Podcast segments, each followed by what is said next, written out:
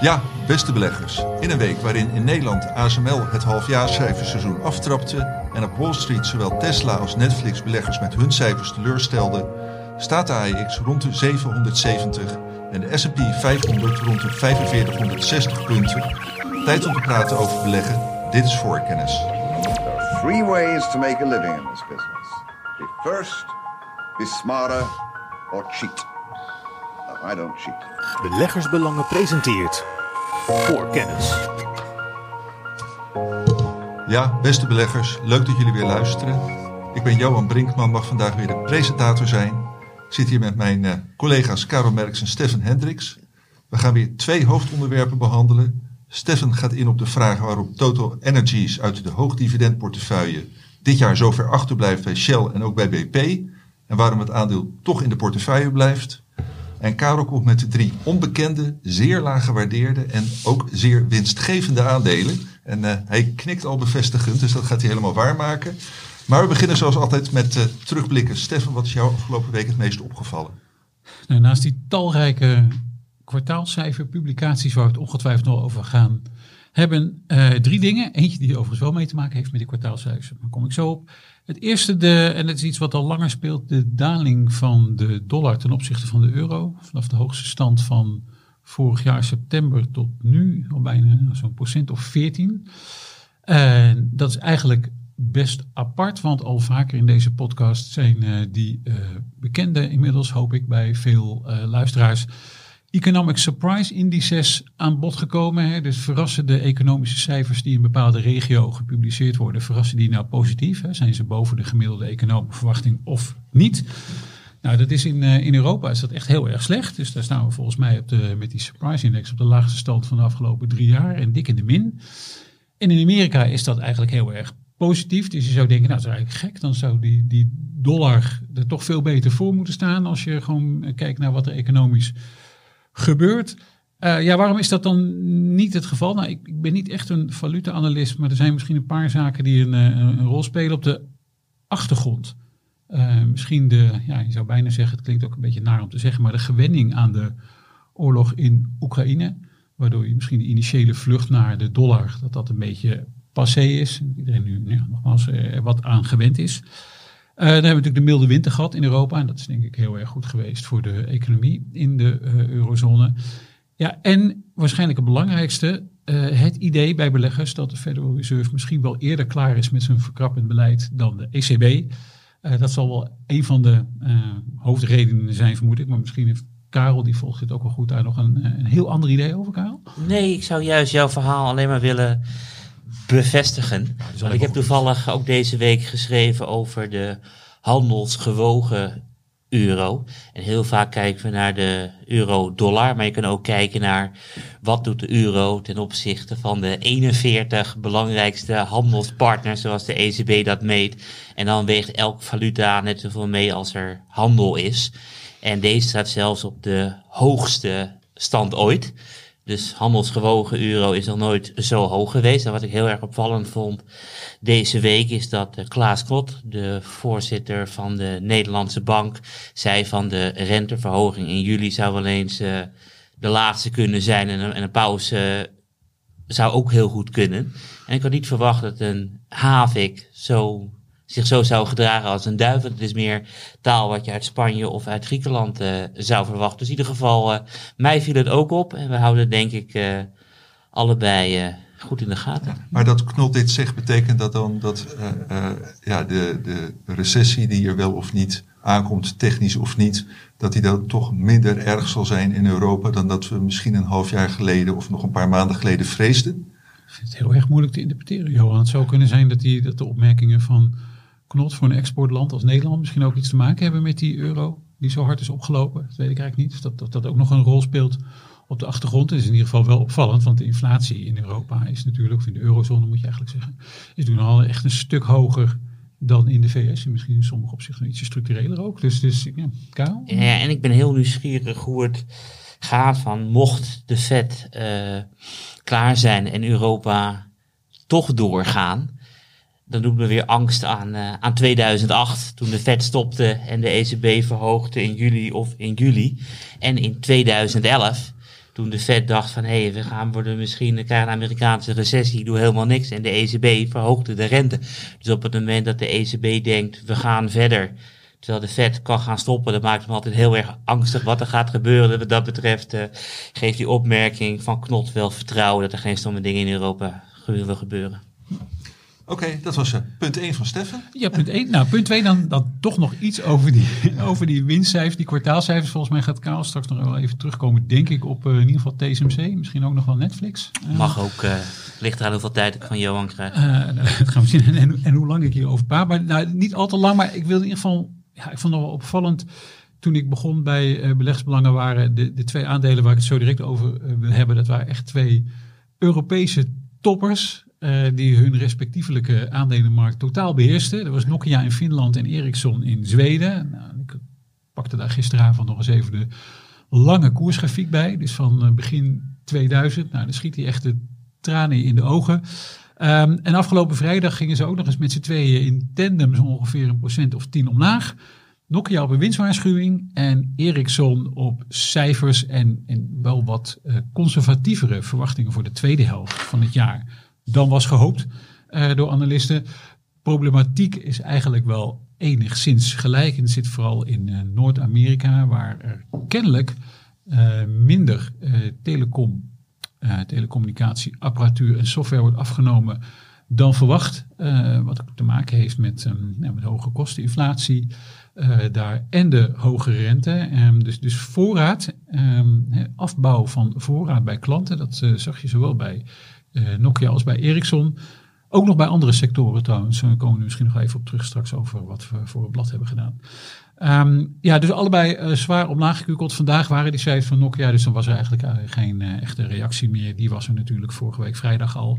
Um, maar dit is ja ergens ook wel weer treurig hoe, dit, deze twee toppers van weleer eigenlijk gewoon helemaal ja, in vergetelheid zijn weggezakt. Het enige wat ze nog voor elkaar hebben gekregen vrijdag is dat er nog een aantal andere aandelen van communicatieapparatuur ook vrolijk uh, mee omlaag gingen. Niet zo hard, maar die kregen gewoon een tikje mee van, uh, van deze waarschuwing. Dus dat, uh, dat viel mij in ieder geval op. En als laatste, om dan toch nog een heel klein beetje in de, in de telecomsfeer te blijven. het zijn dan meestal van die berichten, Karel, die ik eigenlijk iets meer met jou associeer. Maar nu doe ik het zelf toch ook. AT&T tikte de laagste koers in uh, slotkoers in 30 jaar heb aan. ik gewoon invloed op je. je hebt, op de een of andere manier heb je mij toch beïnvloed. Ik weet niet, echt niet hoe dat kan, maar nu valt het me dus ook op, dit soort berichten. Um, eigenlijk moet ik wel zeggen, het was ook meer de aanleiding, want ik speelt al een tijdje. Um, in Amerika liggen nog hele oude koperkabels met een, uh, een, een lode omhulsel. En uh, dat zou giftig kunnen zijn. daar lopen al wat zaken, geloof ik, over. Um, en iedereen gaat dan schatten, al, als dat opgeruimd moet worden, hoeveel zijn dat eigenlijk? Uh, hoeveel zou dat kunnen gaan kosten? En dan komen er allerlei bedragen. Ik kwam zelfs al een bedrag van 59 miljard dollar tegen voor uh, AT&T en Verizon. Uh, want dat is de andere die ook een aardige tik kreeg op dat bericht. Nou, AT&T uh, al snel weer een, een, een, bericht ingelast. En gezegd, nou, dat valt op zich allemaal mee. We hebben zelf testen gedaan en we, we kunnen ons helemaal niet vinden in het feit dat dat zo giftig is. En bovendien is het maar 10% van ons hele, hele oude kopernetwerk wat er eigenlijk nog ligt in, onder de grond en, en, en, onder het water. Dus die aandelen veerden wel weer op. maar ook hier geldt ervoor, de lange termijn grafiekje wordt er niet echt heel vrolijk van, van AT&T. Nee, en AT&T en Verizon hebben ook wel eens uh, vragen volgens mij op ons forum gekregen, met name over het uh, dividend van deze ja. aandelen. Kun je in dat verband daar iets uh, over zeggen? Ja, die vraag die popt onmiddellijk ook weer op natuurlijk. Hè. ja, is dit dividend nu houdbaar? En dat hangt natuurlijk helemaal af met de uit, van de uitkomst van dit onderzoek.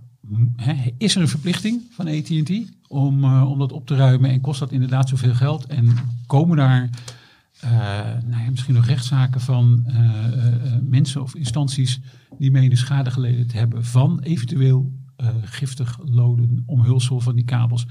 Nou, dat valt nu nog echt niet te zeggen. Dat die koers weer hard opveerde, geeft misschien wel iets aan dat de soep niet zo heet gegeten wordt. Maar ehm, het zegt wel wat, denk ik, over het feit dat iedere keer als dit soort dingen spelen, dat eigenlijk altijd weer de vraag gesteld wordt: is dat dividend van AT&T, wat natuurlijk al een tijdje geleden eens een keer verlaagd is, is dat nog wel houdbaar? Geldt bij meer telecombedrijven is niet voor niks dat wij um, KPN in de Nederlandse portefeuille hebben. En Orange met dividenden die gewoon echt houdbaar zijn. En die ook de afgelopen jaren houdbaar gebleken zijn. Oké, hartstikke goed. Dankjewel, Stefan. Karel. Ehm, twee aandelen en twee grondstoffen. We beginnen met de TSMC, de grootste chipfabrikant op de wereld. En een van de belangrijkste leveranciers van chips voor bedrijven als Nvidia, Apple, AMD en Qualcomm. En ik vond het heel erg opvallend. Uh, TSMC denkt dat de omzet in 2023 10% uh, lager zal zijn dan vorig jaar. En het is de eerste omzetdaling sinds 2019, dus vier jaar geleden. En het is opvallend natuurlijk omdat we natuurlijk hele positieve eerste kwartaalcijfers hebben gevat van Nvidia. Dat we een AI-boom hebben. En AI-boom werkt natuurlijk op chips. En TSMC zei letterlijk de wereldwijde economische tegenwind is groter dan de wereldwijde economische meewind uh, vanuit AI. Dat vond ik wel opvallend.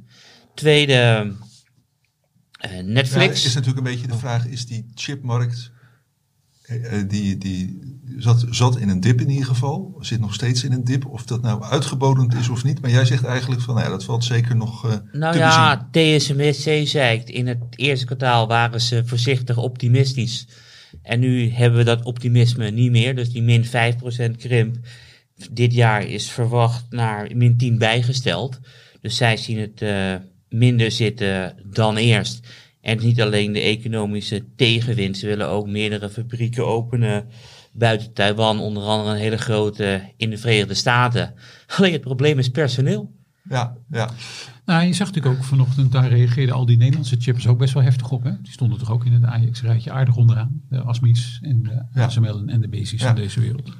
Do- Dus- donderdagochtend eh, was dat eh, eh, voor de duidelijkheid. En eh, eh, woensdag was ASML zelf, ik noemde het al even in eh, de intro, kwam met, eh, met eh, tweede kwartaalcijfers. ASML was zelf redelijk positief over de chipmarkt. Dus nou, we, gaan het, we gaan het zien ook met de cijfers van andere bedrijven die nog, nog komen in die sector. Karel, welke andere punten heb jij nog? Netflix noemde jij ook in je intro. Min 8% eh, opent het aandeel zojuist. En het is op zich wel opvallend, omdat het qua abonnementengroei de beste groei had sinds vele kwartalen. Er kwamen 6 miljoen abonnementhouders bij. Alleen voor een prijs die lager was dan eh, Netflix is aangaf en wat analisten dachten. Eh, daarnaast is er ook nog steeds een staking in Hollywood. En daardoor denkt nu eh, dat Netflix ruim anderhalf miljard extra geld over dit houden dit jaar. Omdat je dit kan uitgeven aan, eh, aan acteurs. Maar dat betekent dat volgend jaar eh, weer een inhaalslag zal komen. En ik vond het op zich wel heel opvallend. Er werd aan de CEO gevraagd. eh, hoe kijk je aan tegen de stakingen? En het was, we hebben daar geen mededelingen over. En voor iets wat al maanden speelt, ja, behalve natuurlijk dit jaar, eh Seven kijkt een beetje verbaasd, dit jaar anderhalf miljard minder, meer cashflow en volgend jaar anderhalf miljard minder cashflow waarschijnlijk. Maar hij wou niet zeggen van wat hij er nou van vond. En ik schreef er voor het eerst over in mei en toen was het al weken bezig. Dus het is, eh, ja, het is behoorlijk aan het rekken. Dat, eh, Ja, en nu ook de acteurs toch, die ook staken. Dus dat is dan wel voor de ja, producties. eh, acteurs, schrijvers, Hey, en iedereen Netflix, wil meer poen. Netflix behoort dan bij de zogeheten Magnificent Seven van aandelen die het eh, heel, heel erg goed doen eh, dit jaar, of eigenlijk al vanaf afge- afgelopen najaar. Die 10%, was dat vanaf eh, een koerspiek of zijn, zijn ze al wat langer terrein aan het prijsgeven? Nee, st- gisteren was het nog plus 50 procent. Ja. Dus als je dan even uitrekent van 100 naar 150, 10 procent eraf. Dus dan daalt het niet met 10 procent, maar met 15. Dus dit jaar staat het nog 35 procent eh, in de plus. Maar ik ben heel nieuwsgierig hoe de, hoe de dag gaat sluiten. Want nu gaan grote institutionele partijen allemaal partijen posities innemen. En de vraag is, is het een kans? En eh, dus op het moment dat Netflix vandaag nog positief sluit, ziet het er heel goed uit. Als het op de loop van de dag sluit, dan word ik zelf ook wel zenuwachtig. Dus daar gaan we vanavond naar kijken. Alright. Eh, twee grondstoffen. Eh, graan was eigenlijk de hoofdrol afgelopen week. We zagen eerst dat Rusland zich terugtrok eh, uit de graandeal. Wat natuurlijk al eh, niet goed was. Nou ja, vervolgens dacht Rusland, we gaan graanopslag plaatsen in Odessa bombarderen. Dat is ook helemaal niet goed voor de wereldwijde graanmarkt. Toen escaleerde Rusland door te zeggen van als we civiele schepen naar Oekraïne gaan. Nou ja, dan denken we dat er misschien wapens in zitten, dus die zijn niet meer veilig. Doen zij Oekraïne vervolgens, eh, als ze schepen naar Rusland gaan, ook civiele schepen, kunnen er ook dingen in zitten die wij niet leuk vinden, dus die zijn ook niet meer veilig. En de VS gaf net een waarschuwing uit dat Rusland bezig is met een uh, aanvalvoorbereiding op uh, Oekraïnse civiele schepen, om dat in de schoenen van Oekraïne te schuiven. Um, nou ja, graanhandelaren werden daar heel erg onrustig van. En deze week zit de prijs alweer 15% hoger. Dus dat is heel erg treurig voor, voor Afrika. Ja, want daar uh, lijden ze het meest onder die. Uh, onder ja, die ik wil, wij, wij Westelingen betalen de prijs wat brood kost of wat aardgas kost. Weet je, wij betalen gewoon meer geld. En vorig jaar kochten we ook alle LNG-schepen op om ze naar Europa te laten varen. Alleen helaas kan niet iedereen dat doen op de wereld. Nee. Tweede grondstof. Ja, mijn frozen orange juice, die gaat. Uh, ik heb weer uh, enorm mazzel. Vorige maand een positie ingenomen. En nu staat uh, bevroren sinaasappelsap 26% hoger sindsdien. Uh, dus dat gaat heel erg de goede kant op. Ja, en waarom? Drinken we opeens meer sinaasappelsap? Zijn er oogsten mislukt? Nee, er is nog steeds een tekort. En op het moment dat we graan willen verbouwen, dan duurt het een half jaar voordat we weer graan hebben bij sinaasappel en bomen heb je vier jaar nodig voordat ze sinaasappelen gaan geven. Dus het is veel langere trends dan andere grondstoffen. Oké, okay, hartstikke interessant. Uh, Zo'n uh, niche binnen de beleggingsmarkt, maar niet onbelangrijk. Uh, Karel, pak jij meteen door over met wat je, waar je deze week over geschreven hebt in ons magazine? Oh ja, zeker. laten we, ik had eigenlijk euro handelsgewogen voorbereid, maar ik heb nog veel meer geschreven. Laten we het over zilver hebben. 9, nog wat procent hoger over de afgelopen vijf dagen. En zilver doet het vaak heel erg goed als de dollar uh, naar beneden gaat. Dus de dollar was 3, nog wat procent gedaald de afgelopen week. Zilver schoot 9 procent omhoog. Profiteerde ook mee van uh, de basismaterialen die ook omhoog gingen. En zilver volgt, uh, volgt goud. Dus we hebben een hele goede week voor zilver gehad. En daar heb ik over geschreven in Beurzen Vandaag. Okay. Beurs in beeld heet de nieuwe rubriek. Beurs in beeld, heel goed. Ja. Uh, Stefan, uh, heb jij afgelopen week nog wat voor het magazine gemaakt? Ja, zeker. zeker. Uh, ik had het natuurlijk, noem het al even heel kort, bij Nokia en Ericsson, die al te maken hadden met voorraadafbouw bij klanten. En dat is iets waarvan ik al zei, dat speelt ook nog in een andere sector, in de chemie, waar het echt de afgelopen weken winstwaarschuwingen regende. Eigenlijk allemaal de rode draad waar ze nog vandaan kwamen, of het uit de agrarische hoek was of meer de voedingshoek. Uh, was dat het gevolg ook mede van voorraadafbouw bij klanten. Met andere woorden, klanten die minder bestellen, waardoor de omzet allemaal wat tegen gaat vallen. Het andere waar ik over geschreven had was uh, ja, iets waarvan ik van tevoren had gezegd, kan ik me nog herinneren toen we het daar met z'n allen over hadden. Dacht ja, de kwartaalcijfers van Novartis, dat zal wel ontzettend saai worden. Uh, nou, dat, dat viel op zich wel mee. Ik zou niet zeggen dat het er helemaal uitknalde, maar er gebeurde toch wel wat meer dan gebruikelijk. De cijfers waren weer heel erg goed, weer veel beter dan de verwachtingen. De verwachtingen voor het hele boekjaar werden uh, opgetrokken. Eindelijk wordt nu bekend wanneer de generieke medicijndochter Sandos zijn eigen beursnotering krijgt. En, en dat moet ik dan wel zeggen, is de tweede keer dat Novartis dat doet. Dat als ze een bedrijfsonderdeel afsplitsen, dat dat niet ten koste gaat van het dividend dat het bedrijf uitkeert. Dus dat dividend wordt verder niet aangetast of gerebased, zoals dat dan heet na een afsplitsing. betekent dat je eigenlijk als aandeelhouder iedere keer iets meer uh, krijgt. Je hebt al aandelen Alcon vijf jaar geleden gekregen. Nu krijg je als aandeelhouder, en daar behoor ik overigens zelf ook toe, uh, straks uh, aandelen in Sandos waar je wat mee kan doen. En Sandos zelf gaat ook nog eens een keertje dividend uitkeren. Oké, dankjewel. En wat betreft dat eerste onderwerp, de winstwaarschuwingen en dergelijke in de chemie sector, moet je als aandeelhouder Axonobel nou vrezen dat uh, ook uh, dit, uh, dit mooie bedrijf een, een winstwaarschuwing gaat geven of zal tegenvallen?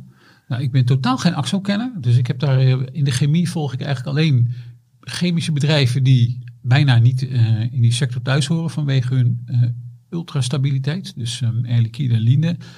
Bij AXO zou ik dat niet weten. De meeste hebben inmiddels al wel gewaarschuwd. dus ja, het zou kunnen dat AXO nog komt. Ik weet niet precies wanneer ze met hun cijfers komen. Maar dan zouden ze wel wat laat zijn bij het, uh, met het waarschuwen. Maar soms wordt ook een waarschuwing vergeten, toch? Uh, wie? Nou ja, bijvoorbeeld eerste kwartaal Nvidia. Ik bedoel, op het moment dat jij een kwartaalcijfers hebt die zo extreem afwijken van de consensus, Ja. dan moet je gewoon zeggen van jongens, de winsten gaan zoveel hoger uitvallen. En er kan niet 100, 200 of hoeveel miljard beurswaarde bij komen naar aanleiding van die cijfers. Ik bedoel, dan moet je gewoon wat zeggen natuurlijk. Dan had je eerder wat moeten zeggen. Dus ja, ik, eh, eh, het eerlijk antwoord is Johan, ik zou het niet weten. Nou, dan wacht het gewoon rustig af. Voor kennis. Oké, gaan we naar het eerste hoofdonderwerp eh, toe. Eh, Total Energies, eh Stefan, hebben we er jij het over hebben, zit in de hoge div, div- de- hi- hoog dividendportefeuille eh, en doet het daar niet goed. Althans, dit jaar niet. Eh, nee, eh, dit jaar een eh, procent of 12 in de min. En ehm, toen dacht ik, nou, dat, dat kan. Ook een paar Amerikaanse olieconcerns staan wel wat in de min. Dus Chevron nog ietsje meer en Exxon ietsje minder, maar ook in de min. Maar dan keek ik naar Shell en die staan dan gewoon een paar procent in de plus. En toen dacht ik, god, wat is er eigenlijk... Wat is er nu eigenlijk mis met Totaal? Het roept eigenlijk wel twee vragen op. Eh, wa- wat is er dit jaar nou aan de hand? Dat eh, Shell zo ver, wat is het nu qua koersontwikkeling, gewoon 15 procentpunt bijna tussen, tussen die twee dit jaar. Eh, dus waar, waarom is dat? En het tweede, die vraag die dan natuurlijk opkomt, is: heeft dat consequenties voor de positie van Total in de hoogdividendportefeuille? Moeten we dat bijvoorbeeld vervangen door een, ehm, Shell, om zo te noemen? Ehm, nou ja, goed. Volgende week komen die bedrijven met cijfers. Dat gaat Ka- Karel ongetwijfeld wel weer eh, volgen. Eh, interessant feitje overigens. Toen ik dit allemaal eh, verder weer aan het voorbereiden was. En als ik altijd kijk veel naar Totaal Energie, het aandeel uiteraard. Niet alleen omdat het in de hoogdividendportefeuille zit, maar ook in mijn eigen portefeuille. Ehm, dan valt op eigenlijk UBS, een bank, die heeft in kaart gebracht hoe Totaal ehm, eigenlijk presteert bij die kwartaalcijfers ten opzichte van de gemiddelde analistenverwachting. En dan doen ze het eigenlijk zelden slechter. Ze hebben een heel erg goed track record eh, totaal. En veel beter, dat wist ik eigenlijk ook niet, want UBS heeft gekeken vanaf eind 2007. En is het track record van Totaal veel beter dan dat van Shell. Dat was op zich wel opvallend. Maar goed, het gaat mij eigenlijk verder niet zozeer om die kwartaalcijfers. En ik zal niet zeggen dat die totaal oninteressant zijn. Maar dat is niet ehm, de reden om totaal in, eh, in mijn privéportefeuille te houden. Of nog veel belangrijker in hoog dividendportefeuille. Eh, het gaat natuurlijk eigenlijk om hoe het bedrijf als geheel draait. Ehm, ja, dus waar, waar, de vraag is waarom nou zo zwak dit jaar? Nou, er zijn misschien een paar bedrijfsspecifieke oorzaken voor totaal. Eh, om te beginnen, er zijn natuurlijk genoemd ook al iets wat we bijna vergeten zijn weer, denk ik. In het eh, ehm, Adani-schandaal, zal ik het maar noemen. Dus het, eh, het Indiase conglomeraat van de zakenman Adani. eh, die door een shortseller beschuldigd werd nou ja, van allerlei eh, toch een beetje of meer frauduleuze zaken. En het manipuleren van de beurskoersen van verschillende bedrijfsonderdelen. En je zegt, denken, wat heeft Total daar nou mee te maken? Nou, Total had in een van die eh, vehicles van Adani in, eh, volgens mij ruim 3 miljard dollar geïnvesteerd. En dat viel natuurlijk niet zo goed. De beleggers zeiden, nou, dat is dan toch niet echt een hele goede due diligence geweest van eh, de mensen van Total. Dus dat, dat viel niet echt op. Ehm, ja, dan viel me ook nog op dat, dat de topman van Total, en daar weet volgens mij Karel ook het ene van, meneer Pouyanné, toch nog wel met enige regelmaat zijn beklag deed over de lage waardering van Total. En dat ging dan eigenlijk met name ten opzichte van de Amerikaanse eh branchegenoten. Karel, jij, want jij zei dat een deel van zijn compensatie daar ook mee samenhing, toch? Ja, een groot deel van zijn bonus vooral. En bonus kunnen vaak hoger uitvallen dan het totaalsalaris. Het is rechtstreeks gecorreleerd met de vrije kaststroom. Dus hij richt zich daar eh, volop. En nu ik toch even aan het woord ben, ik kan altijd wel de analistencall aanraden van Total. Want vorige keer dan gaat die meneer gaat dan een praatje houden. Dan gaat hij gewoon vertellen wat hij van de oliemarkt vindt, van de wereld, ook van de Franse eh, politiek, eh et cetera. En dan zegt hij na ruim een uur, oh ja, het is de analistencall, heeft nog iemand vragen? de, bijzondere man, maar wel reuze Kunnen we interessant. zo'n leuke call eh, in de show notes eh, Ja, ja, zeker. Ja, ik zal de link naar je door. Ja. Ja. Eh, Ja, dus dat Ja. was aan de kant van eh, eh, Total eigenlijk. De aantal dingen die dan, eh, nou, waarvan je zegt, nou dat loopt dan niet heel erg lekker. Eh, aan de kant van Shell liepen dan daartegen dingen wel weer lekker. En dat met name natuurlijk naar aanleiding van die eh, Capital Markets Day, hè, de beleggersdag van medio juni. En daar waren eigenlijk wel een, een paar interessante eh, dingen. Om te beginnen eh, kwam Shell daar met een, eh, met, nou, ik zeg een nieuwe topman, maar zo nieuw is hij niet meer. Maar we zeggen, nog niet zo lang eh, zittende topman, ehm eh, Sawan, die kwam eigenlijk met een aantal mededelingen. kosten moeten structureel verlaagd worden hè, met 2 tot eh, 3 miljard per jaar. Ehm, de investeringen, capex noemt men dat dan altijd, die moeten volgend jaar en het jaar daarna zo rond de 22 en de 25 miljard dollar liggen. Dat is wat lager dan eerder. En daarmee, en dat is, eh, daar komt natuurlijk voor de aandeelhouders voor het belangrijke deel, daarmee ontstaat er dus meer ruimte om geld terug te geven aan de aandeelhouders. En nadert Shell eigenlijk een beetje het niveau van Totaal. Want Shell keerde eigenlijk tot die eh, beleggersdag. Hij had Shell beleid 20 tot 30 procent van de eh, operationele cashflow uit te keren aan de aandeelhouders. In de vorm van dividend of aandeleninkoop, maar daar komen we straks nog wel op. Dat wordt nu opgetrokken naar 30 tot 40 procent. Nou, dat viel natuurlijk eh, wel goed. Daarmee komt Shell eindelijk in de buurt van Totaal. To- Totaal Energie, moet ik eigenlijk zeggen, want zo heet het bedrijf. Want die zitten op eh, 35 tot 40 procent. Dus daarmee is dat verschil een beetje weggevallen. Nou, Shell kondigde natuurlijk meteen die dividendverhoging aan hè, van 15 procent. En die aandeleninkoop van 5 miljard dollar. En daar was wel iets interessants bij, want in de bijbehorende eh, bijeenkomst, hè, waar, waar de topman van Shell sprak, noemde hij ook eigenlijk aandeleninkoop als eh, nou ja, zijn voorkeur om geld terug te geven aan de aandeelhouders. En dat is op zich wel interessant, want een paar maanden daarvoor had Totaal ook zo'n bijeenkomst. Wel erg gericht op eh, op duurzame energie, maar er kwamen ook een aantal algemene eh, punten naar voren. En interessant daaraan is dat Totaal eigenlijk op plek 1, hè, als het, het gaat om de verdeling van die operationele cashflow, wat vinden wij nu het belangrijkste bij Totaal Energie? Op 1 staat gewoon het dividend. Op 2 staan dan de investeringsuitgaven, wel interessant. Op 3 is het, eh, het op peil houden van de balans, want eh, de topman van Totaal wil ook die AA-rating houden. Dat vind ik ook heel erg belangrijk. En pas op plek 4 komt als we surplus aan cashflow hebben en als de olieprijs buitengewoon hoog is, dan kunnen wij overgaan tot inkoop van eigen aandelen of het uitkeren, zoals eh, medio december eh, afgelopen jaar, van een speciaal dividend. Dus op zich is wel grappig om te zien hoe die bedrijven eigenlijk een net iets andere invulling hebben aan hoe geven we nou dat geld terug aan de aandeelhouder.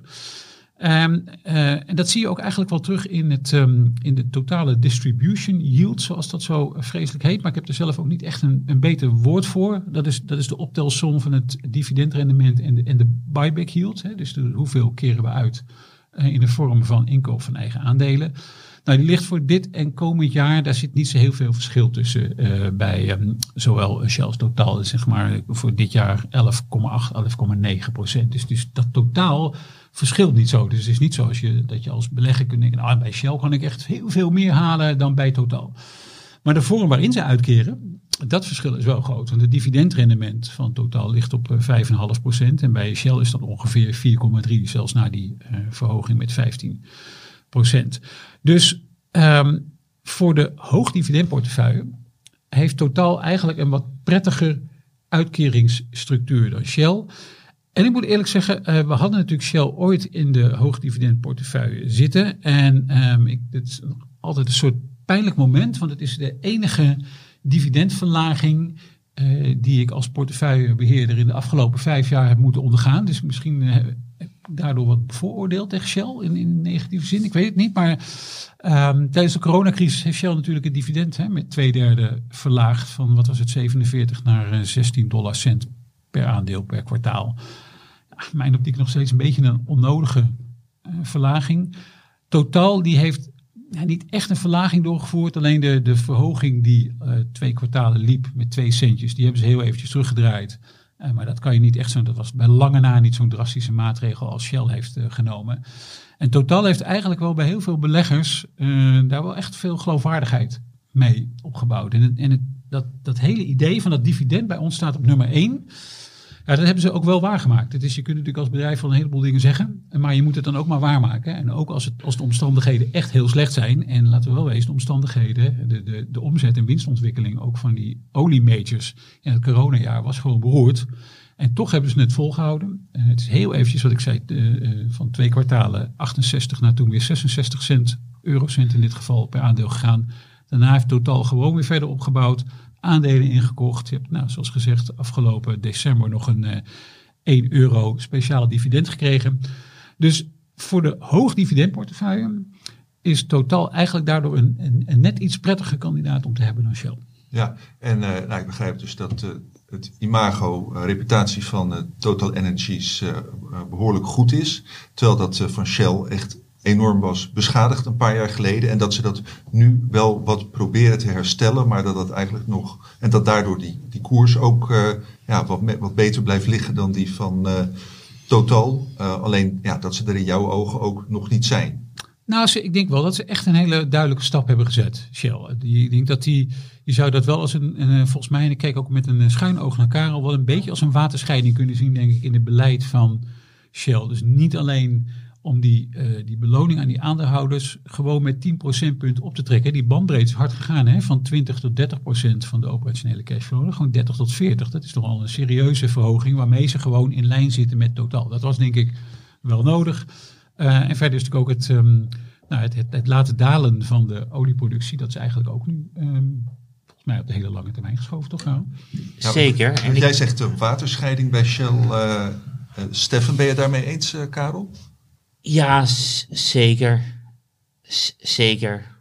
Ik bedoel, en er lekt ook steeds meer uit hoe belangrijk uh, waardering voor Shell is. Wat laat dan ook in de Financial Times dat ze ergens in de afgelopen jaren gekeken hebben om misschien het hoofdkantoor naar New York te verplaatsen. Omdat ze dan, uh, en de beursnotering mee, omdat ze dan waarschijnlijk een hogere waardering kunnen krijgen. Dus het is echt op de radar van Shell om dat gat te dichten, net als Total uh, met de Amerikaanse tegenhangers. Ja, en over die Amerikaanse tegenhangers uh, gesproken, Karel, ik weet dat jij uh, grote fan bent van Chevron. Ik dacht ook van Exxon. Klopt. Uh, maar die zitten niet in de hoogdividendportefeuille. Zeker, Chevron zit, zit, er, zit die er zit er ook in. Oké. Okay, nou, ja, vanaf, vanaf begin af aan. En daar zijn we ook verder heel erg tevreden over. Ja, Chevron heeft ook een heel erg duidelijk beleid. Maar bij de Europeanen is er, is er wel wat anders aan de hand. En, die, dat waarderingsgat met de Amerikanen, dat is er, dat was er. Dat is ongetwijfeld deels uh, wordt dat veroorzaakt door het feit dat de Amerikaanse beurs in het algemeen gewoon hoger gewaardeerd is. Het zal ook te maken hebben, denk ik, met um, de milieuproblematiek zoals die hier in Europa aan de kaart wordt gesteld. Zeg ik dat goed? Aan de orde wordt gesteld. Um, bijvoorbeeld bij Total, op de laatste aandeelhoudersvergadering, volgens mij kreeg een resolutie van Follow This, hè, die Nederlandse partij die ook uh, de aandeelhoudersvergadering van Shell frequenteert. Um, ja, dat was wel verrassend. Uh, ook zoveel, 30% die met die resolutie instemde dat eigenlijk die, um, het terugbrengen van die broeikasgassen, die uitstoot, dat dat ook bij Total Energie sneller moet. Dat is wel verrassend. Totaal was een beetje eigenlijk um, beetje uit het zicht van een aantal van dit soort aandeelhouders. Maar dat staat nu ook allemaal vol op de agenda. Dat speelt dus in Europa ook nog iets meer, denk ik, dan in de VS. Ja, en voor totaal, ja, misschien dat, dat Shell er een beetje mee schermt. Of misschien af en toe, ik weet niet, Karel, een balletje opgooit van ja, een notering in. Misschien in uh, New York. Ik zie dat bij, bij Total, lijkt me dat politiek gewoon onhaalbaar. Ik bedoel, dat wij, wij hebben in Nederland Unilever en Shell min of meer laten gaan, zullen we maar zeggen. Nou, daar hebben een heleboel Nederlanders. Nou, KLM ook. En KLM ook. En misschien een heleboel Nederlanders, nou ja, goed, ja, jammer, maar het zij zo. Ja. Maar ik, ik zie dat in Frankrijk, dat Totaal Energie verhuist van Parijs naar New York. Ik zie dat echt niet gebeuren. Nee, maar het heeft wel voordelen natuurlijk, want op het moment dat ze gewoon laag nu gewaardeerd zijn in Europa, en dat moeilijke woord wat jij gebruikt, de distributie yield. Ik mag zeg altijd een beetje fout totaalrendement wat niet waar is, maar ik noem het gewoon het totale rendement voor de aandeelhouder in de dubbele cijfers. Is de reden waarom ik privé Shell en Total Energies heb. Want ik ken, ja, ken jij een sector met een dubbelcijferige distributie yield? En de enige reden waarom je een dubbelcijferige distributie yield hebt, is omdat niemand die aandelen wil hebben. En daardoor zijn de waarderingen zo laag en kan je gewoon jaarlijks ruim 10% krijgen met als bonus, als de olieprijs stijgt, ook nog mooie koerswinsten. Ja, het enige is waar je natuurlijk dit jaar rekening mee moet houden, maar dat hebben we het eerste kwartaal ook al gezien. Vorig jaar was natuurlijk een jaar met enorme uh, omzetten en winsten en cashflows. En niet voor niks dat een heleboel van die um, aandeleninkoopprogramma's aangekondigd zijn en totaal een speciaal dividend uh, kon uitbetalen. Nou, dat is er dit jaar natuurlijk allemaal niet, dus die winsten gaan allemaal lager uitpakken. Is verder ook niet echt zo'n verrassing, want die hele energiesector presteert dit jaar niet zo ontzettend goed. Maar um, zeg ik even als beheerder van de hoogdividendportefeuille, vanuit die portefeuille bezien is totaal wel een prettig aandeel om erin te hebben. Ook een kwartaalbetaler, net zoals Shell. En nogmaals een hele betrouwbare af en toe een speciaal uh, dividend erbij. Um, ja, het is, uh, je kunt het slechter treffen.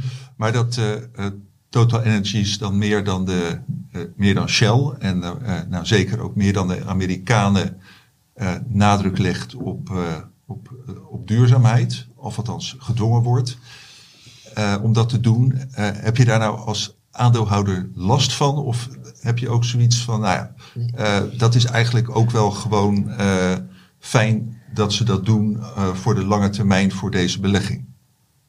Mag ik? Ja, kijk, het was altijd duurzaamheid bij Shell. En dan ga ik dus kijken van eh, capex, dus investeringen. Dan blijkt dus 86% naar investeringen te gaan in fossiele brandstoffen. Voordat uh, de waterscheiding is. En nu is die waterscheiding en dan gaat er minder naar duurzaam en meer naar fossiel. En het zal vanaf 86% weer oplopen. Alleen als je dan vroeger 86% had, dan denk ik van ja, hoe duurzaam is dat als 86% naar fossiel gaat? Ja, maar goed, mijn vraag is meer bij Total, waar ze dan, eh, proef ik, uh, ja, wat meer daar de nadruk op leggen. Is, is dat uh, vanuit, vanuit de belegger gezien op de lange termijn een positieve ontwikkeling? Of nogmaals, heb je er eigenlijk alleen maar last van? Nou ja, kijk, je kunt natuurlijk zeggen, je maakt het bedrijf toekomstbestendig door bijvoorbeeld, hè, wat Totaal doet, heel veel in uh, zonne-energie en windparken uh, te investeren. Uh, levert een aparte divisie op waar je Totaal en, en helemaal Shell natuurlijk erg sterk in ziet zijn. En dat is um, heel erg prettig voor beide bedrijven. Dat is natuurlijk in LNG, hè, liquefied natural gas, is vloeibaar aardgas natuurlijk heel erg belangrijk in deze uh, tijd, want dat is eigenlijk wat we steeds meer zullen gaan verschepen. Als het niet meer uit Rusland komt via een pijpleiding, gaan we dat op een andere manier doen. En dat is, dit is een van de manieren. Dat is goed voor zowel Shell als Total Energie. Um, ja, Total Energie investeert inderdaad wel flink. Ze hebben recent nog een uh, gigantische uh, windparkaanbesteding in Duitsland gewonnen, samen met BP. Uit mijn hoofd zeg ik met z'n tweeën 12,6 miljard voor het hele project. Over natuurlijk wel een wat langere looptijd. Ja, is dat gunstig? Ja en nee. Kijk, je komt natuurlijk een beetje op het terrein van de nutsbedrijf. Nou, een beetje, je komt op het terrein. Ik zeg dat verkeerd. Je komt gewoon op het terrein van nutsbedrijven. Namelijk het aanleggen van uh, windparken en het verkopen van stroom. Of het eventueel verkopen van die windparken in zijn geheel. Hè, wat ook uh, Iberdrola en ook Enel en ook RWE, die doen dat ook allemaal. Ja, een van de kenmerken van um, uh, dit soort projecten is dat het rendement op die projecten ja, gemiddeld wel wat lager is dan het rendement op een, een groot olieproject bijvoorbeeld. Dus dat ga je dan natuurlijk wel merken. En dat zal ongetwijfeld ook een van de redenen zijn waarom die investeringen natuurlijk wel wat mondjesmaat lopen bij die olieconcerns. Want je moet natuurlijk wel duidelijk kunnen maken aan je aandeelhouders, als je ze ook zo wilt verwennen, tussen aanhalingstekens, zoals we nu doen, met dat uh, hoge dividendrendement en die inkoop van eigen aandelen en speciale dividenden, noem maar op. Ja, dat moet je natuurlijk wel verdienen. En ik, je kan het niet één op één zo verdienen. Uh, en dan ook zo blijven uitkeren. Als je dat allemaal in, duurzaam doet. Want dat kun je ook gewoon zien aan nutsbedrijven waar, je, waar de balans bijvoorbeeld veel slechter is. Hè. Dus uh, wat totaal heeft denk ik een netto schuld EBITDA verhouding. is een heel veel gebruikte schuldratio. Volgens mij van nog geen één. En als je dan naar Enel of Iberdrola kijkt, dan hebben we het over echte giganten in de nutsector. Dan zit je op de 2,5 tot aan 4 ongeveer. Dus die bedrijven hebben veel meer schuld, hebben ook veel minder ruimte om nog extra nu bij te lenen. Worden ook eerder getroffen door die hoge rente. Dus dat is maar even de vraag of je ook als uh, olieconcern echt helemaal die kant op wil. En wat dat dan, dan moet je als, als belegger en als aandeelhouder ook wel heel erg goed nadenken over wat het dan uiteindelijk betekent voor het rendement dat je van zo'n soort bedrijf mag verwachten. Oké, okay, helder. Dank je wel. En we gaan naar het volgende onderwerp. Voorkennis. Karel, drie onbekende, zeer laag gewaardeerde en zeer winstgevende aandelen. Eén. Uh, of wil je, wil je dat inleiden? Nou, ik wil het wel even inleiden. Ah, Want ik bedoel, als we kijken naar inleiding. inleiding en ik heb uiteindelijk uh, 1, 2, 3, 4, 5 pagina's lopen uittikken. Dus val me gerust in de reden. Ja, dat kan in vijf minuten, Karel. En dan Kom kijken op. we waar we het over gaan hebben. Maar een van de dingen die mij is opgevallen in dit jaar 2023 is dat de koersen harder omhoog gaan dan de omzetten en winsten van de bedrijven. En het zijn eigenlijk vooral uh, de Magnificent Seven in de Verenigde Staten die echt heel erg hard uh, omhoog vliegen. En dat betekent volgens mij een aantal dingen. Dat als die zeven bedrijven een steeds zwaardere weging krijgen, dan gaat de rest relatief uh, steeds minder wegen. En zijn ze ook allemaal relatief een stukje lager gewaardeerd. En één keer per kwartaal ehm, heb ik een oefening om op zoek te gaan naar interessante aandelen die winstgevend zijn en een te lage waardering hebben. En dan maak ik in Excel maak ik dan twee lijstjes. En in de eerste kolom zet ik dan de duizend grootste bedrijven van de Verenigde Staten neer op basis van uh, beurswaarde. In het lijstje daarnaast zet ik uh, de duizend uh, grootste beursgenoteerde bedrijven die Ravi maken. Die maakt dan het lijstje op basis niet van de waarde van het aandeel, maar kijk dan naar omzet, kaststroom, boekwaarde en dividend. Dus links heb je dan de waardering en rechts heb ik dan de fundamentele waarde, de bedrijven. En dan het doel is om afwijkingen te vinden. Weet je, en standaard kijk ik een beetje naar wat zijn de meest winstgevende aandelen ten opzichte van market cap. En nou, altijd komt er wel hetzelfde lijstje uit. Dus nu kwam ook weer uh, Berkshire Hathaway helemaal uh, bovenaan. Die uh, 1,28% punt zwaarder meeweegt in Ravi dan in de, de standaard beurswaarde index. En dat is eigenlijk de hoogste van de afgelopen kwartalen. Dus Berkshire Hathaway is nou ja, steeds winstgevender geworden, maar weegt steeds minder zwaar mee in de S&P 500 of de Russell, Russell 1000. Misschien moet je trouwens, Karel, nog wel even uitleggen waar RAVI voor staat. Research Affiliates? Ja, Fundamental Index. Ja, fundamentele index is dat dus op basis van de ja, omzet, kaststroom, boekwaarde en dividenden. En je zou het eigenlijk verwachten dat het lijstje links precies hetzelfde is als het lijstje uh, rechts. Want hoe beter de fundamentele waarde, hoe hoger de weging. Alleen het is niet zo, omdat soms zijn beleggers veel te enthousiast over sommige aandelen en soms zijn beleggers veel te negatief over sommige aandelen. En die andere vier aandelen die ook al kwartalenlang uh, veel te goedkoop zijn volgens dit lijstje zijn jouw uh, Verizon en AT&T, die ook wel eens noemt natuurlijk. Of AT&T was het in de inleiding. Ja. Uh, andere is JP Morgan en, en is Intel. Dus eigenlijk komt het wel elk kwartaal eruit. Alleen zijn ze elke keer relatief wegen ze steeds lager mee. Alleen ik dacht voor deze podcast laat ik een keer niet kijken naar procentpuntverschil. Maar procentueel verschil. Dus dan krijg je veel kleinere aandelen. Um, en er zijn er vijf die me echt zijn opgevallen. dat zijn Cardinal Health keertje bij Menno voorbij gekomen in een dividendtoppersverhaal. Uh, Walgreen Boots Alliance, Citigroup, Ford Motor en General Motors. Dat zijn echt aandelen. Waarom lach je, Steven? Ja, het, omdat echt, nou, we hebben een paar weken geleden gehad over uh, het, het Schreuders Global Recovery Fund. Ja. Waarvan ik toen zei, die komen dan aan met een lijstje aandelen uit de top 10. waarvan je denkt, nou, dat is geen enkel verjaardagsfeest waar ik daar eens gezellig een gesprek mee open. Kijk eens wat ik in portefeuille heb. Maar zo klinkt dit af en toe ook een beetje. Ja, dus ik heb ze ook uiteraard uh, opgezocht bij, bij beleggersbelangen op onze website. En we hebben best wel van, van die aandelen uh, ja, Noem ze nog eventjes, uh, uh, Karel. Ford, zei je, General? Motors, Citigroup, Walgreen Boots Alliance en Cardinal Health. Ja. Alleen en dat, dat laatste bedrijf, kun je even kort uitleggen wat dat doet? Want dat is volgens mij bij het grote publiek de minst bekende. Ja, is ook een dividend aristocrat. Ik weet niet welke term Menno altijd noemt op het moment dat je een centje elk jaar erbij doet om jouw streak in stand te houden. Maar daar heeft hij een bepaalde term voor. Ik nou, het misschien uh, willen we dat uh, niet uh, vertellen, hoe die, wat die, hoe die daar Ja, ik bedoel, het is gewoon een niet eerlijke manier, want die dividend moet gewoon elk jaar, jaar flink omhoog. Ja. Maar op zich zijn deze aandelen best wel vaak bij ons voorbij gekomen. Want heel recent heeft Jeff nog in een tip terugblik geschreven over General Motors. En die heeft gezegd, ja, koopadvies van het aandeel heeft een geschatte KW van nog geen vijf voor dit jaar.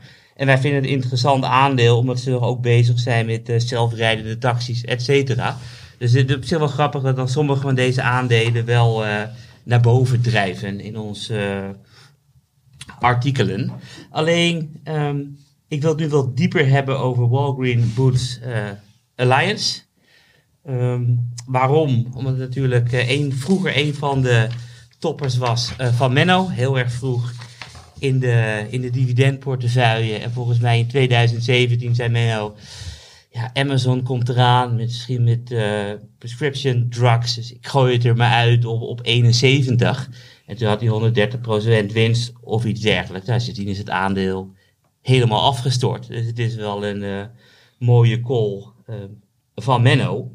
Alleen ik vind het wel weer heel erg opvallend dat het nummer 83 is in de ranglijst op basis van bedrijfscijfers. En nummer 400 op basis van beurswaarde qua grootte. Dus dan denk ik van ja, laat ik een keertje naar de analistencall kijken. En was op zich wel grappig dat het bedrijf nog, uh, nog wel groeit. Ik had verwacht dat het helemaal zou afstorten. Maar ja, afgelopen jaar was er gewoon 9% omzetgroei. Alleen de kosten reizen veel harder de pan uit. Want uh, ze hebben geloof ik tegen de 40 miljard schuld. Ja, als de rente dan oploopt en je calculeert in, we gaan 400, 500 euro aan rente moeten betalen dit jaar. En dat gaat wel richting de 600. Dat doet het pijn natuurlijk. Uh, winstverwachting verlaagd uiteraard naar 4. Maar ja, het aandeel staat nu op 29. Dus het is een KW uh, van 7. En uh, Stefan mag even heel erg uh, kritisch zijn nu.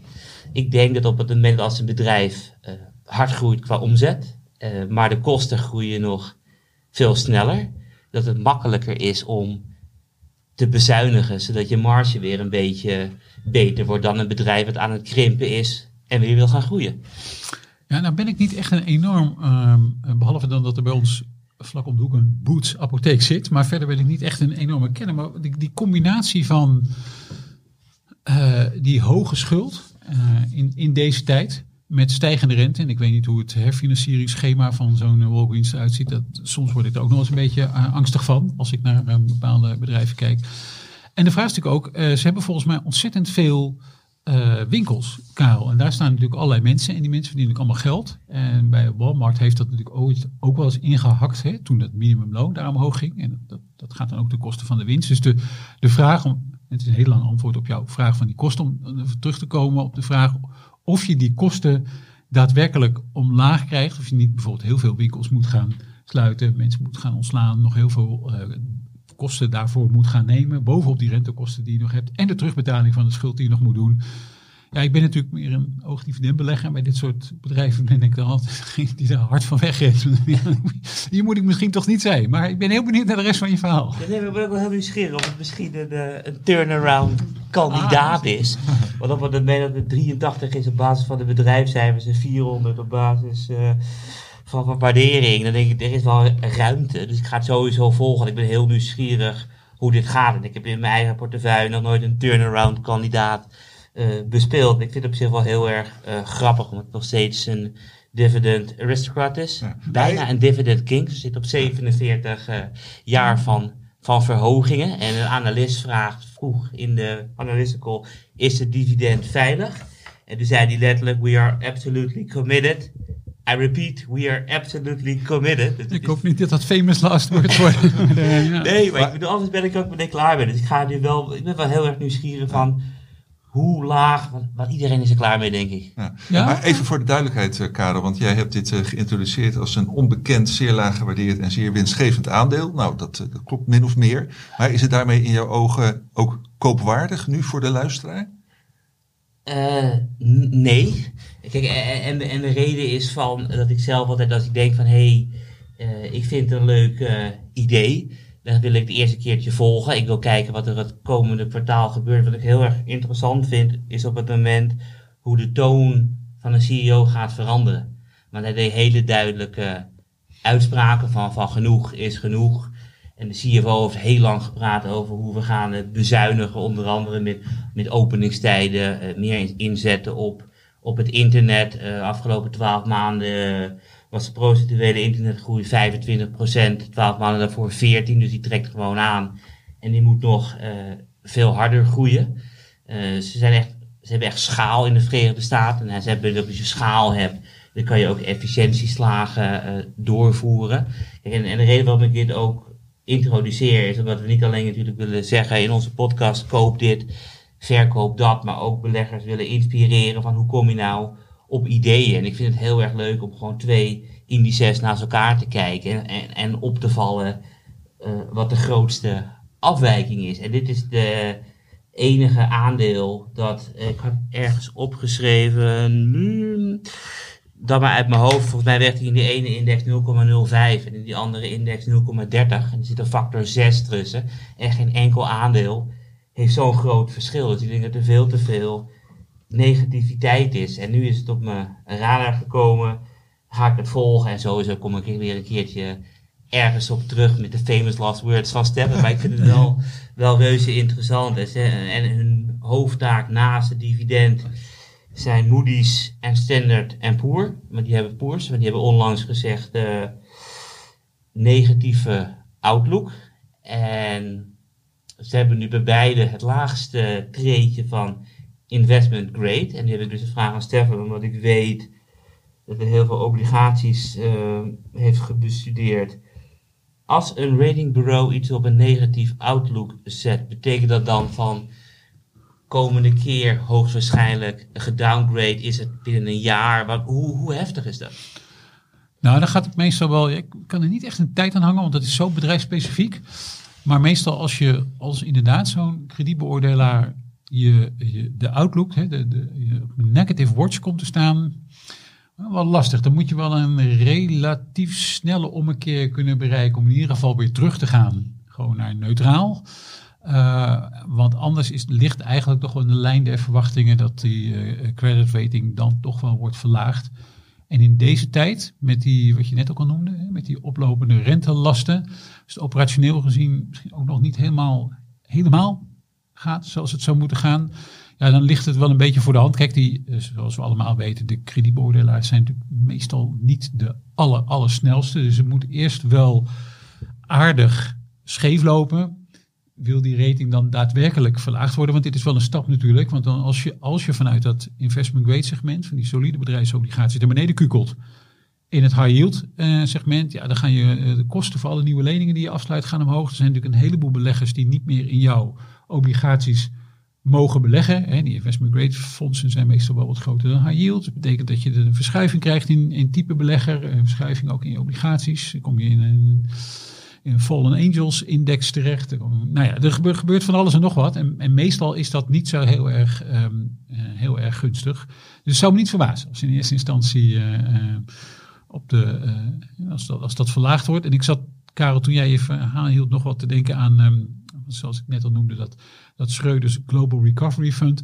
Als, ik ben heel erg benieuwd of dit soort kandidaten dan ook um, op zo'n lange lijst staat van deze beheerders. Want die kijken toch altijd naar eh, wat ze dan in het Engels een basket case noemen. En af en toe een beetje een, ja, een, een, een ogenschijnlijk hopeloos geval. Waar onderliggend misschien toch nog wel het een en ander uit te halen is. Een beetje wat Karel zegt. Hè, een bedrijf dat qua beurswaarde natuurlijk een hele harde klap naar beneden heeft gehad. Maar misschien eigenlijk in termen van winstgevendheid dat het, eh, dat het nog best meevalt. Dus ik ben heel benieuwd of het ook, ook heel op, benieuwd of je de KW van 7 heeft. En gaat naar een KW van 10,5 je 50% koersstijging. Dus die aandelen die dan helemaal door het putje gaan, maar die toch nog harder door het putje gaan en dat de winstgevendheid door het putje gaat. Ik vind het reuze interessant om in de gaten te houden. En ik heb zelf nooit een turnaround kandidaat bespeeld en ik ben me nu gewoon uh, aan het verdiepen. Ik vind het, uh, vind het wel grappig dat je dan met zo'n vergelijking tussen de fundamentele index en een marktgewogen index, dat je dit soort uh, verschillen kan vinden. En ik ben heel nieuwsgierig uh, of beleggers bij de juiste eind hebben. En dat je dus ook in de komende maanden bij herwegingen een daling zal zien bij die RAVI-index. Oké, dus dat, dat, willen we eigenlijk zien, die bij RAVI omhoog gaat van, van plekje 86 naar plekje 75. En dan ondertussen nog daalt bij die andere. En dan kom ik er uiteraard uh, op terug. Maar dat was meer gewoon een kijkje in mijn keuken van hoe zoek ik nieuwe ideeën. En... Ja, want uh, ik ben uh, wat in verwarring, moet ik zeggen, uh, Karel. Want jij had drie onbekende aandelen aangekondigd. En je hebt vijf namen genoemd. Ja, tien eigenlijk. Hè? Ik heb ook nog die AT&T en dergelijke. Dus ik wilde eerst een beetje drukke week. Dus ik dacht, dit ga ik doen. En uiteindelijk is dit het geworden. Ja, oké. Okay, maar wil je behalve Walgreens nog een aandeel uit je shortlist wat uitdiepen? Nou ja, niet zo diep als, als deze. Nee. Uh, nee, ja, nee, ik, bedoelt, ik, vind, ik vind Jeff heel interessant met zijn General, uh, General Motors. Dus die, uh, ja, nou die, die zullen we ook ja. in, de, in de show notes zetten. En als we dan hiermee klaar zijn, dan gaan we naar het laatste onderdeeltje. Voor kennis. En dat is, uh, nou, zoals altijd, de vooruitblik. Nou, er, er gebeurt veel wat uh, bij iedere belegger op de radar staat. Maar bij de heren aan tafel, die kijken dan toch altijd weer naar andere dingen. Stefan bijvoorbeeld, wat, uh, waar kijk jij met name naar uit volgende week? Nou, volgende week tot de dag, zeg ik uit mijn hoofd, komen dus um, die, zeg maar, de, de, nou, wat ik gewoon een beetje de aristocratie vind in de chemie sector. Dus Air en Linde, industriële gassenproducenten, komen met hun cijfers. Uh, waarvan ik eerst genoemde ook zelf in portefeuille heb. En bij Linde hebben we een, al heel lang een koopadvies. Echt een prachtige bedrijf vind ik dat. Ik ben heel erg benieuwd of die het ook vol kunnen houden. Want Bas F. heeft bijvoorbeeld al wel een winstwaarschuwing gegeven. En een van de redenen daarvoor was dat Bas F. zei ja, de, de economie groeit op zich best, misschien nog best wel iets sneller dan we hadden verwacht. Alleen is dat voor ons niet helemaal de juiste groei. Want het is de dienstensector die hard gaat en de industriële productie juist niet. En industriële productie is ook iets wat voor Air Liquide en Linde heel prettig is als die wat sneller groeit. Dus daar ben ik heel erg benieuwd naar hoe die bedrijven daar tegenaan gaan kijken. En dan komt, uh, en dat was wel een beetje een, ja, nou niet uh, te veel in stereotypen gaan praten, maar het was een beetje een Italiaans ding waar Enel, uh, Italiaans nutsbedrijf, daar is um, ja, vrij plotseling, uh, een maand of twee geleden, de topman vervangen. En de, nou, die, ik vond dat hij eigenlijk een hele juiste en correcte strategie had. Maar misschien niet helemaal de politieke connecties met de huidige regering, maar meer met de vorige regering. Dus die is weg. De CFO, dus de financiële topman, die wordt straks een regionale topman in Noord-Amerika. Dus er zit eigenlijk een nieuwe top bij NL. En die gaat volgende week donderdag voor het eerst eigenlijk zich presenteren aan beleggers. En dat mogen ze dan doen met de halfjaarcijfers, waarvan ik overigens wel verwacht dat die vrij goed zullen zijn. Oké, okay, nou we gaan het uh, lezen in uh, de beleggersbelangen dan uh, van weer die week daarna. Karel, waar kijk jij naar uit komende week?